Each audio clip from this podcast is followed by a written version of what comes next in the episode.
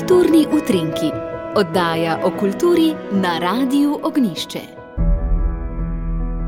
Z vami sem Marjan Bunič.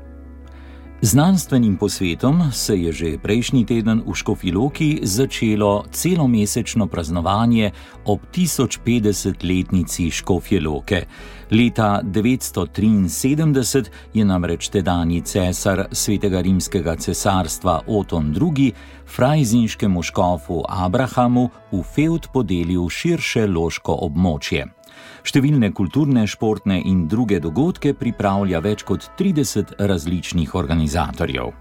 Želja je, da bi se ločani in prijatelji Škofje Loke celoten praznični juni srečevali na mestnih trgih in ulicah ter v kulturnih ustanovah in praznovali tisočletje razvoja mesta. Ta je še danes temelječ na odprtosti in vključevanju, na odličnih geografskih danostih in predvsem na ustvarjalnosti ljudi, ki tu živijo. Direktorica javnega zavoda 973 Jana Fojkar je dejala, da pri organizaciji dogodkov v prazničnem juniju sodeluje več kot 30 organizatorjev. In še posebej bogat bo glasbeni program, saj se bo na različnih lokacijah zvrstilo kar 18 glasbenih dogodkov, nekateri so se že ta konec tedna.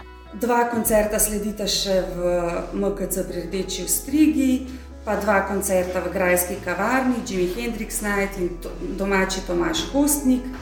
Um, Začeli se bodo tudi večeri na terasi s koncertom Akane Umi in Aleksandre Iljevski, odprla se bo branica na vrtu Sokolskega doma s koncertom Salamandra, potem bodo sledili koncerti glasbenih šol in pa Grudnovih šnikl v Sokolskem domu Škofja Loka in pa seveda glavni koncertni dogodki na Loškem gradu, Pop Stars United z Bebop, Game Over, Sebastianom, pa Jan Plestenjak in pa zaključni koncert dogajanja 1. julija, veliki koncert Jokera od Kokosi in domači Fat Butlers.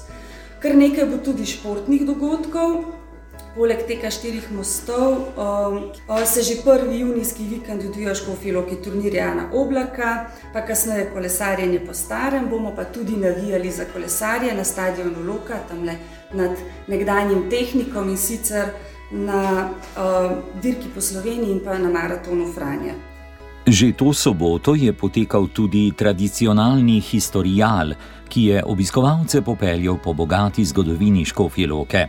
Spoznali so starodavni sejemski utrip in cehovsko dediščino Škofje Loke, uživo spremljali izdelavo najrazličnejših izdelkov, poslušali glasbo različnih, med njimi tudi historičnih zvrsti, okušali loško kulinariko in sodelovali v raznih družabnih igrah.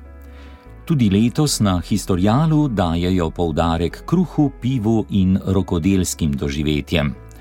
Potekale pa so tudi različne slikarske in muzejske delavnice, zvrstili so se folklorni in nekateri drugi nastopi škofeloških šolarjev, vrtec pa je pripravil pravljice za otroke. Zgodba Škofjeloke se sicer začenja 30. junija 973 s prvim zapisom loških krajev v pisnih virih, kar predstavlja simbolno točko vstopa v zgodovino. Takrat se začenja bogata zgodovina mesta ob sotočju Sor, ki je postalo upravno, gospodarsko in kulturno središče velikega feudalnega gospodstva. Kmalu je nad mestom zrasel grad z mestnim obzidjem, čez Sevško Soro pa kamniti most, ki je najstarejši ohranjeni most v Sloveniji. Leta 1511 je mesto preživelo hud potres, kasneje pa doživelo silovit razmah različnih obrti in trgovine. Za duhovni utrip sta skrbela Nunski in kasneje Kapucinski samostan, v katerem je leta 1721 pater Romuald ustvaril škofiloški pasion, najstarejše dramsko besedilo v slovenskem jeziku.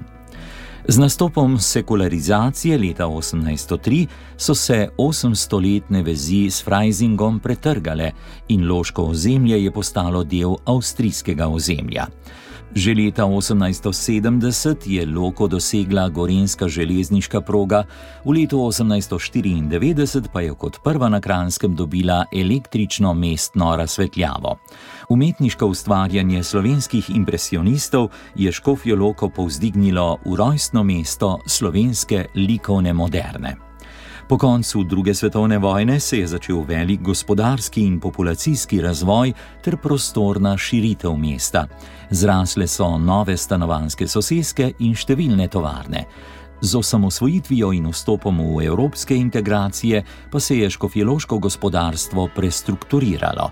Danes najpomembnejše branže so strojništvo z orodjarstvom in livarstvom.